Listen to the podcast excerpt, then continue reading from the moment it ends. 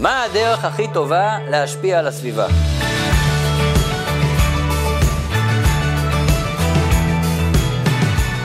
הרבה פעמים יש אנשים שאנחנו רוצים לשנות אותם, או לפחות רוצים לשנות את היחס שלהם כלפינו. אז מה עושים?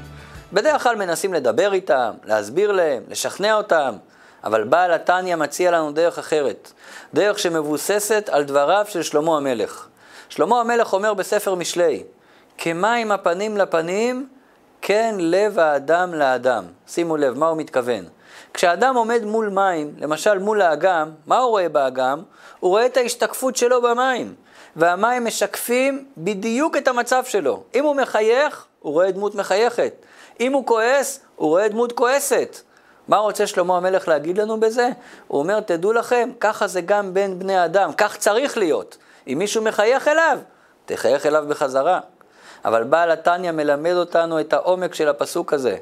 כמים הפנים לפנים כן לב האדם לאדם, כמו שהמים משקפים את הפנים שלך, הלב של השני משקף את מה שיש לך בלב. היחס שאתה נותן לו, זה היחס שתקבל בחזרה. אבל יותר מזה, עוד לפני היחס שתיתן לו. אם תרגיש כלפיו אהבה, הוא ירגיש אהבה חזרה כלפיך. זה החידוש הגדול של בעל התניא. מה שאנחנו מרגישים בלב כלפי הזולת, זה גורם לו להרגיש אותו דבר כלפינו בחזרה.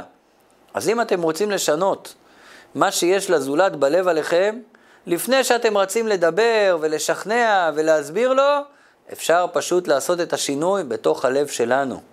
כשאנחנו נתגבר על המשקעים שבתוכנו, נצא מהרגשות השליליים כלפי הסובבים אותנו, אז כמים הפנים לפנים, כמו שהשינוי שנעשה בעצמנו ישנה את ההשתקפות שלנו במים, כן לב האדם לאדם. השינוי הרגשי שנעשה בלב שלנו ישנה את הרגשות של הסובבים כלפינו. ולכן, לפחות בתור התחלה, במקום לרוץ החוצה, אפשר להיכנס פנימה. וכשאדם משנה את עצמו, כל הסביבה משתנה גם כן.